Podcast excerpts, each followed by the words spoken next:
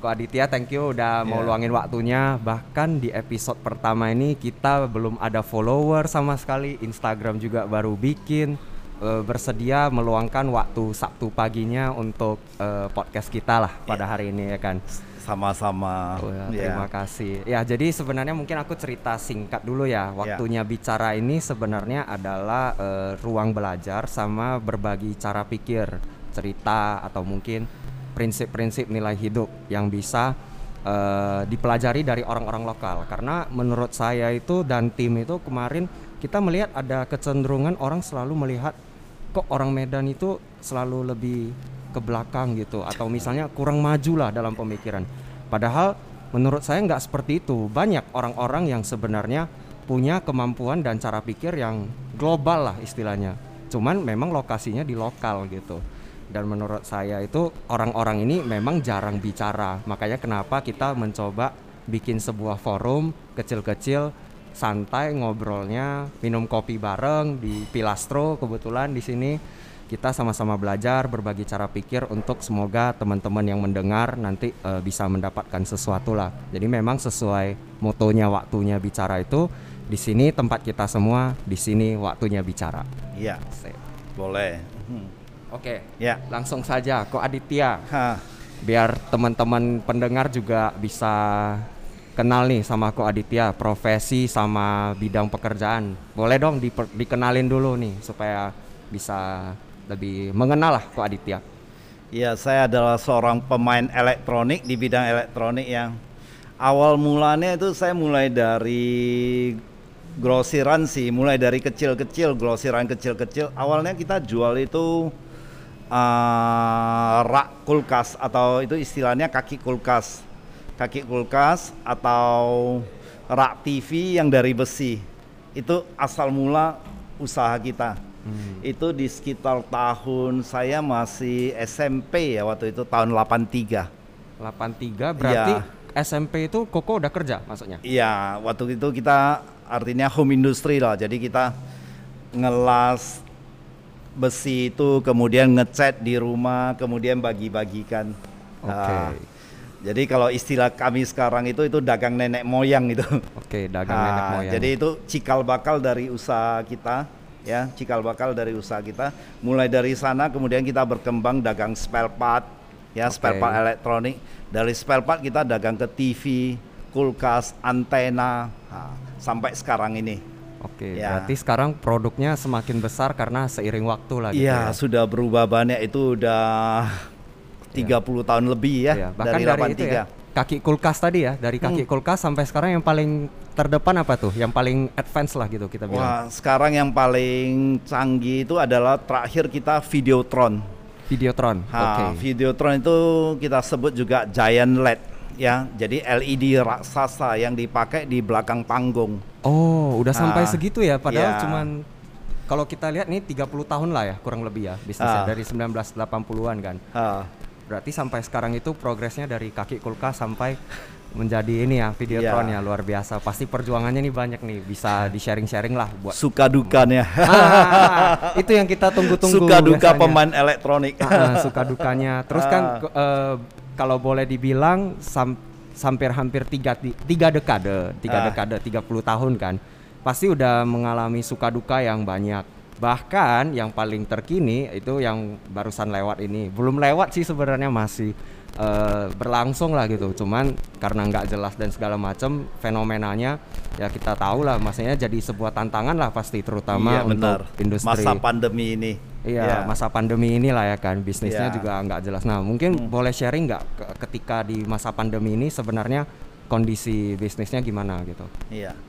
Terus terang selama dari tahun 80 sekian, 30 sekian tahun kita usaha nggak pernah jumpa wabah seperti pandemi ini di kehidupan saya lah ya, di kehidupan saya umur saya sekarang udah 50 sekian nggak pernah jumpa bahwa ada pandemi baru ini yang pertama kali ya.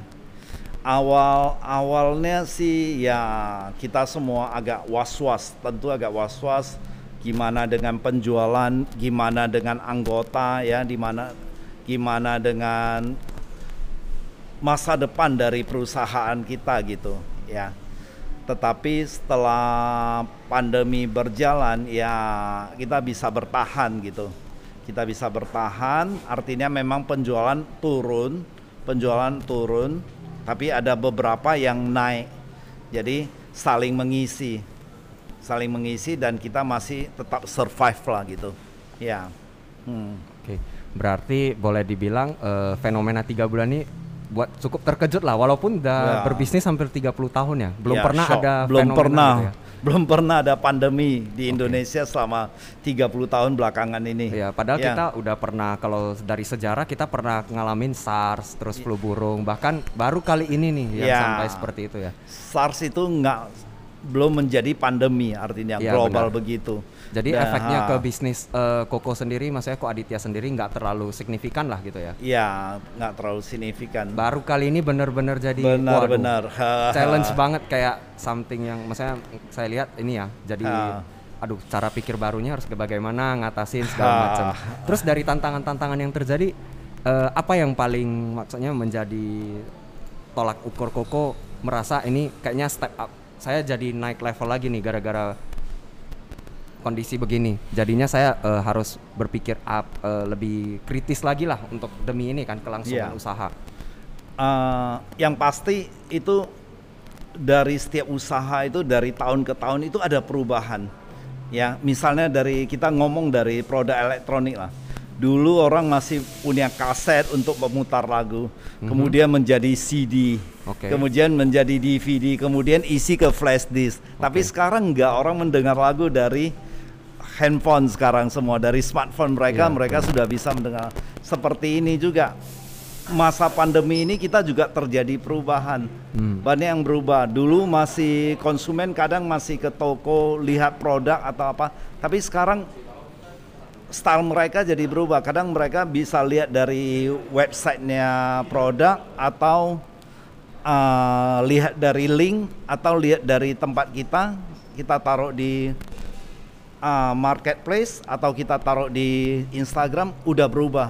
Okay. Jadi pola belanja mereka pun berubah. Kita yang sebagai pengusaha juga harus mengikuti. Artinya kita ke digital lah gitu, ke hmm. digital life gitu. Oke, okay. ya. menarik nih. Karena kok Aditya sampai menyinggung soal digital, uh, hmm. bisnis digital, saya sih menangkapnya berarti bisnis yang kok Aditya jalanin sekarang ini uh, udah masuk ke digital. Nah. Ya kita ada taruh di marketplace ya beberapa marketplace okay. ya kita nggak sebutkan namanya lah Baik. beberapa marketplace. Hmm. Kemudian kita juga taruh di ada melalui Instagram, ada okay. melalui Facebook. Berarti uh, awarenessnya itu udah sampai ke level ini marketplace. Ya. Karena kan beberapa nih masih belum nih apalagi mohon maaf ya kalau misalnya usahanya udah sampai 30 tahun itu biasa orang jarang kan yang mau ini kan ke digital gitu. Sebenarnya udah lama belum di digital ini? Hmm, lima tahun yang lalu kita udah mulai. Dari lima tahun ah, yang lalu. Lima tahun yang lalu kita udah bangun web, udah bangun persiapan, udah taruh produk di marketplace. Iya. Kenapa ah. maksudnya uh, mau ke dunia digital? Karena kan ada dua fenomena nih pandangan. Ada yang setuju uh, mau ikut. Kalau lima tahun yang lalu ya kita bicara balik berarti 2015 kan. 2015 itu kayaknya belum terlalu banyak ya, terutama bisnis-bisnis lokal kita bilang untuk lebih memperhatikan bidang digital ini uh, terus terang ya kalau bukan hanya di bisnis tapi di kehidupan juga kalau kamu tidak mau berubah kamu akan ketinggalan oh, iya. okay, baik, jadi baik. itu kita harus ikuti sesuai zaman kita harus berubah terus hmm. ya jadi yang kalau ya lebih melankolis yang lalu biar berlalu kita kaji yang baru lagi. Produk elektronik keluar terus yang terbaru dan mereka bermainnya sekarang digital semua. Masa kamu masih pegang koko, masih manual jualannya, masih tunggu orang datang ke toko atau apa gitu. Ha. Berarti kunci perubahan itu yang ha. penting ya di sini ya. Jadi digital itu salah satu bentuk perubahan saja lah dalam iya. masa-masa yeah. ini ya ha. usaha itu kita bilang. Oke hmm. deh, kita hmm. balik ke masa pandemi karena kan lagi terkini juga. Sebenarnya uh, kegelisahan yang paling mengusik dari sekian banyak tadi itu bahkan mungkin sampai hari ini masih ada deh kalau kita bilang boleh nggak di sharing. Itu kira-kira yeah. seperti apa? Yang pasti satu ya, yang pasti satu saya juga bermain di artinya ke wholesale ya wholesale atau bahasa Indonesia grosir ya di wholesale saya punya dealer-dealer kan kadang masih banyak yang artinya konvensional. Yang konvensional artinya mereka masih buka toko menunggu apa. Ha, yang kita khawatirkan penjualan mereka pasti turun. Masa pandemi ini orang nggak berkunjung, nggak keluar, semua di rumah saja gitu ya kan. Ya. Nah, penjualan mereka berkurang, otomatis omset dari kita juga berkurang. Omset berkurang berarti pendapatan berkurang. Padahal cost yang mau ditutupi itu sama dengan cost yang masih tetap begitu besar ya begitu besar kita harus akalin gimana ya salah satu caranya ya jualan melalui kadang melalui WhatsApp ya kadang Oke. melalui Instagram ya kita manfaatkan tuh fasilitas-fasilitas yang ada Oke, berarti Nah. ini semacam kalau boleh saya bilang sebuah tolak belakang lah ya. Maksudnya kayak bertolak belakang dengan orang yang merasa kan kemarin tuh heboh masa-masa work from home kita bilang. ya Tapi di masa work from home orang lebih banyak cenderung diam dan tidak berbuat apa-apa dan Hmm. cuman kalau boleh bahasanya itu dibilang berpasrah gitu kan. Maksudnya ya udahlah yang penting apa yang ada disyukurin, nunggu dulu gitu.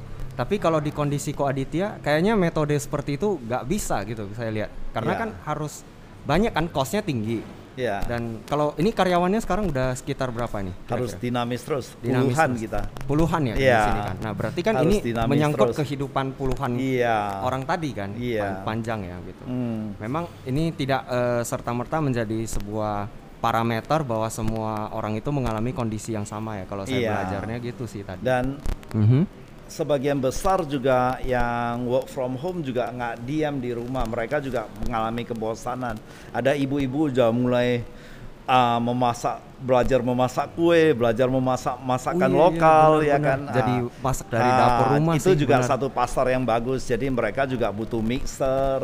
Ya mereka juga butuh misalnya uh, mesin blender atau apa gitu Oh, iya, kulkas iya, iya. untuk penyimpan bahan belanjaan mereka Benar-benar. Jadi gitu. peralatan elektronik gitu juga Ah. ternyata kebutuhannya ada gitu. Iya, walaupun bapak-bapak juga Iya. udah mulai misalnya menikmati berita atau menikmati tontonan dengan uh, TV yang lebih besar. Oh iya, berarti tetap ada juga ini marketnya walaupun Ada. pandemi, cuman Iya. perbe- pergeserannya di produk gitu. Mungkin dulu orang mintanya yang lain gitu kan. Iya. Tapi sekarang jadi yang seperti itu. Kalau ya. di bisnis itu boleh dibilang tergantung dari kita itu gimana ya mencari kesempatan dalam keadaan misalnya sulit ini atau apa kesempatan itu tetap ada. Oke. Artinya kita harus optimis gitu. Benar. Ya. Kita harus selalu optimis eh, cari kesempatan itu karena kesempatan itu kayaknya nggak mungkin datang gitu kan. Jadi kita yang harus hati-hati ya, gitu kita ya. harus yang kita yang kejar bo- bola bukan kita tunggu bolanya benar, datang. benar. Setuju, Ya. setuju. Ini Hmm. belajarnya bagus nih. Dapatnya kita harus kejar bola nih, bukan nunggu Eh, bola yuk, ya. sambil diminum yuk kopinya silakan sebelum diminum. dingin Ya, ya. siap. Oke. Eh, kita lanjut deh. Eh, sebenarnya pendapat Ko Aditya nih sebagai seorang pebisnis juga eh, 30 tahun pengalamannya udah usaha dapat masa pandemi ini sebuah fenomena baru. Terus sekarang muncul lagi nih istilah baru kalau ikutin populer dari berita, new normal. Nah, pendapat Ko Aditya gimana soal new normal? New normal ini juga uh, bagus ya artinya kita uh, atau pemerintah juga tidak mungkin artinya melakukan misalnya di Jakarta ya kita nggak bilang di Medan di Jakarta misalnya PSBB ya kan? Ya. Ah, PSBB ya. Itu ekonomi sama sekali mati gitu nggak bergerak ya. Itu eh, akibatnya itu nanti banyak itu ke setiap segmen. Misalnya orang nggak ke kafe ya orang nggak ke kafe kafe nggak jualan. Yang punya kafe nanti dia nggak belanja. Kebutuhan sehari-hari dia nggak belanja ya artinya yang nanti yang jualan itu yang kebutuhan sayur kebutuhan misalnya ikan atau apa itu juga nggak jalan jadi ekonomi mati itu fatal nanti Hmm. Nah, jadi new normal itu menurut gua bagus sekarang new normal ya terus terang ya omset kita juga udah mulai hampir normal kembali artinya ada kenaikan gitu Kenaikan. dari waktu masa-masa pandemi Ya, kalau Ya. dihitung-hitung sampai rekaman hari ini tanggal 20 ya 20 hari lah tapi ternyata tren Ya, kenaikan itu naik, sudah mulai naik, terlihat ya. ya. Ya, ya. Ada orang udah mulai isi rumah kembali, Hmm. ada yang udah mulai isi apartemennya kembali gitu. Ya, jadi kebutuhannya Ya. kebutuhan secara bisnis itu udah mulai Nah, normal gitu. Ada proyek yang sebelumnya nggak jalan sekarang udah mulai jalan kembali ah, gitu. iya iya iya berarti memang aktivitas ekonomi ini penting ya. Jadi Iya. di samping memang sih kita mengerti juga di sisi medis dan kesehatan naik datanya kan terus naik tuh di Indonesia kan beda Iya. sama negara lain tapi di sisi lain juga faktor ekonomi ini juga harus jadi pat- pertimbangan yang patut dilihat gitu sebagai Ah. sebuah hal yang besar gitu kan. Jadi Iya. jangan cuma dari satu sisi lah gitu kalau saya nangkapnya kan. Hmm. Oke oke. Nah jadi kalau menurut insting nih kita bicara lebih santai nih soal Ah. insting, soal pendapat pribadi lebih subjektif kita bilang. Ah. Kok Aditya melihat kondisi seperti hari ini deh kita bilang ya kan. Untuk sampai benar-benar jadi normal seperti dulu mungkin yang pokoknya selesai deh pandemi ini kita bilang kita kan berharap semua selesai nih. Kira-kira idealnya itu seperti apa kalau di pikiran kok Aditya? M- mungkin ya, mungkin nanti ya Iya. kalau sesudah ditemukan vaksin lah ya itu itu ini di luar kita lah ya ini Siap. masalah kedokteran Benar. Sesu- sesudah ditemukan vaksin dan keadaan berubah normal kembali itu semua sudah berubah tidak seperti yang kita dulu di 2019 yang lalu lagi kita Oke. ini sudah berubah artinya post covid ini nanti kita cara belanja lifestyle kita semua udah berubah. Mungkin Wesley juga waktu keluar tetap udah pakai masker gitu Iya benar. Ini aja kita Ah. rekamannya hari ini pakai masker. Kalau mungkin tadi nggak ada covid kan nggak pakai masker kan? iya kita. dan orang belanja tren elektroniknya nanti juga mungkin udah berubah Oke benar sih. Ah. Kalau tadi kan ceritanya bahkan masa pandemi kemarin eh, jadi berubah. Ada yang Ah. belinya lebih di rumah lah kebutuhan Iya, TV kan iya. lebih besar. Ya, jadi nanti post covid Benar-benar. juga ada perubahan lagi artinya itu hidup selalu berubah deh Ya berarti hampir boleh dibilang pertanyaan Ah. tadi ya tidak kembali ke normal seperti Ah, yang dulu gitu iya. 2019 malah Ah. ada sebuah tren baru gitu ya kita mudah-mudahan berubah lebih maju lagi Iya berubahnya tapi lebih maju. Ah. Iya benar-benar. kita Karena kan yakin lah itu iya. manusia itu uh, dari tahun ke tahun tuh dari dulu sampai sekarang itu perubahannya itu perubahan yang baik gitu benar benar ya setuju. ada Walaupun perubahan yang baik pandemi itu Ada dilihat sebagai pandemi ininya atau atau, apa, apa pun ya kan? tetap sebuah Ah. inilah ya. jadi kita lihat yang positif aja optimis Benar. saja Setuju setuju. Saya Ah, senang nih. ya. Oke deh. yang Buat- penting bisnis must going on gitu Oke. Terus harus jalan terus Oke. ini Eh, ini aha. ini intermezzo lah Iya benar. Sekarang kan lagi orang lagi musim Goes. goes, ya Iya, kan, benar. musim goes ya Hmm. kan, seperti sepeda itu. Sepeda itu kalau lagi jalan itu jalan terus dia. Kalau sepeda misalnya itu bannya, rodanya berhenti berputar, kaki kamu masih di pedal, kamu akan jatuh gitu. Oke. Nah itu Hmm, seperti benar. bisnis gitu. Iya, jadi bisnis itu harus jalan terus. Iya, iya. Jadi kamu nggak jatuh. Ah. Benar sih. Kita harus selalu mengayuh Ah, gitu kalau seperti bahasanya. sepeda ya. gitu, Benar, goes. Jadi jalan terus. Tapi kalau kamu berhenti mengayuh, kamu kakinya masih di pedal, kamu akan jatuh. Ya, betul betul. Benar, sih. Iya. Oke, menarik menarik. Terus em, ini lagi lebih santai lagi kita Hmm. Ah. bahasanya, lebih ke keluarga deh. Karena Iya. kan kemarin kebanyakan kita jadinya lebih banyak di rumah, waktunya lebih banyak sama keluarga kan. Haha. Nah, kalau Ko Aditya sendiri kehidupan eh, yang seperti itu bagaimana? Ada perubahan nggak sebenarnya dengan sebelum pandemi itu? Ah, ya artinya kalau dari segi kehidupan kita pasti beda. Artinya di rumah saja lebih banyak waktu bersama keluarga, lebih Mhm. banyak menikmati masakan di rumah. Masakan Ya. di rumah. oh, jadi ini Ya. kalau boleh tahu istri yang masak ya gitu. Iya, ya? istri yang masak. Jadi Oh. lebih menikmati masakan istri. Ya, artinya lebih healthy lah gitu ke depan ya. Oke. Artinya makan lebih tepat waktu, porsinya juga nggak nggak banyak sebanyak mungkin atau apa ya kan. Oke. Nah, Siap, siap. Hmm. Itu yang paling berkesan atau ada lain lagi nggak misalnya sama anak boleh juga sama Iya. istri atau anggota keluarga lain deh gitu. hmm, lebih banyak punya waktu untuk diri sendiri, me time-nya Oh. lebih banyak. Oh, berarti Jadi Aditya ya, ini orang yang butuh me time ya? Kalau- Nah, misal me time-nya kadang kamu bisa untuk olahraga, untuk meditasi sendiri. Jadi Oke. artinya kamu hmm, lebih ke self healing kamu sendiri lah gitu. Ada positifnya lah. okay. terlihat kamu gimana melihatnya gitu. Baik baik. Ya. Oke deh. Baik untuk closing deh kita bahas. Ya. Uh, mungkin ini biar teman-teman dapat ujungnya juga nih. Ya. Uh, aku pengen nanya nih tiga nilai atau tiga uh, apa deh maksudnya tiga hal baik deh yang menurut ko Aditya sebagai seorang pengusaha harus punya gitu walau dia situasi apa pun deh kita bilang normal dan tidak normal dan mungkin selesai pandemi gitu kalau saya pribadi ya udah selama ini nggak bosan-bosan udah 30 tahunan bisnis di elektronik yang ke pertama kamu harus punya semangat. Semangat. Itu yang saya tekankan sama anak-anak saya juga sama kawan-kawan saya juga. Kamu harus punya semangat ya. Semangat berusaha. Ha. kemudian kedua kamu harus jujur ya. Kejujuran.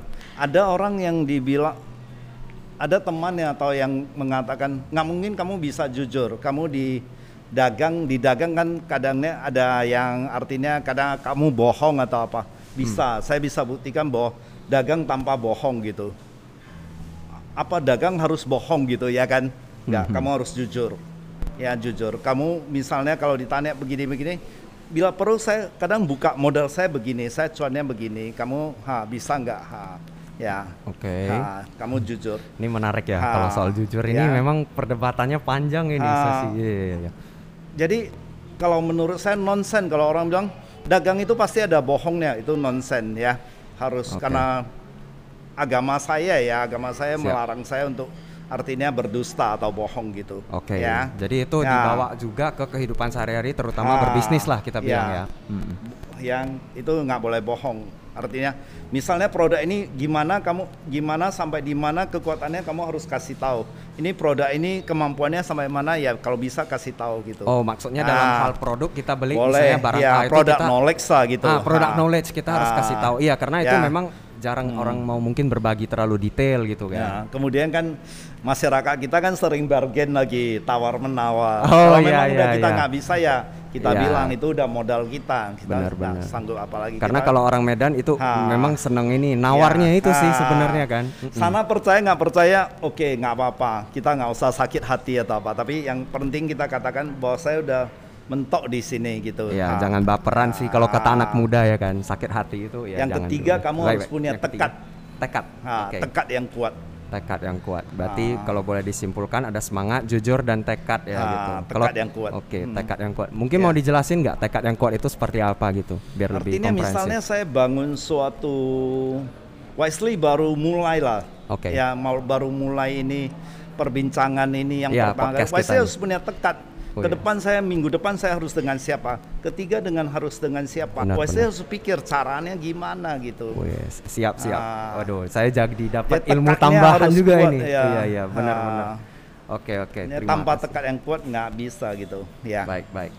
Oke Thank you deh Ko nah. Aditya udah meluangkan waktunya Sama-sama. sesi pagi hari ini kita juga bisa berbincang santai minum kopi nah. bareng. Nah. Mudah-mudahan uh, teman-teman pendengar juga bisa belajar dan mendapat sesuatu lah ya dari bahasan kita ngopi-ngopi pagi hari ini lah. Memang nah. ngopi santai tapi tetap uh, mudah-mudahan bermakna. Jadi memang di sini tempat kumpul kita semua belajar, berbagi cara pikir dan segala macam uh, di sinilah waktunya bicara. Thank you ya. Pak Aditya ya, udah meluangkan waktunya pagi ya. ini.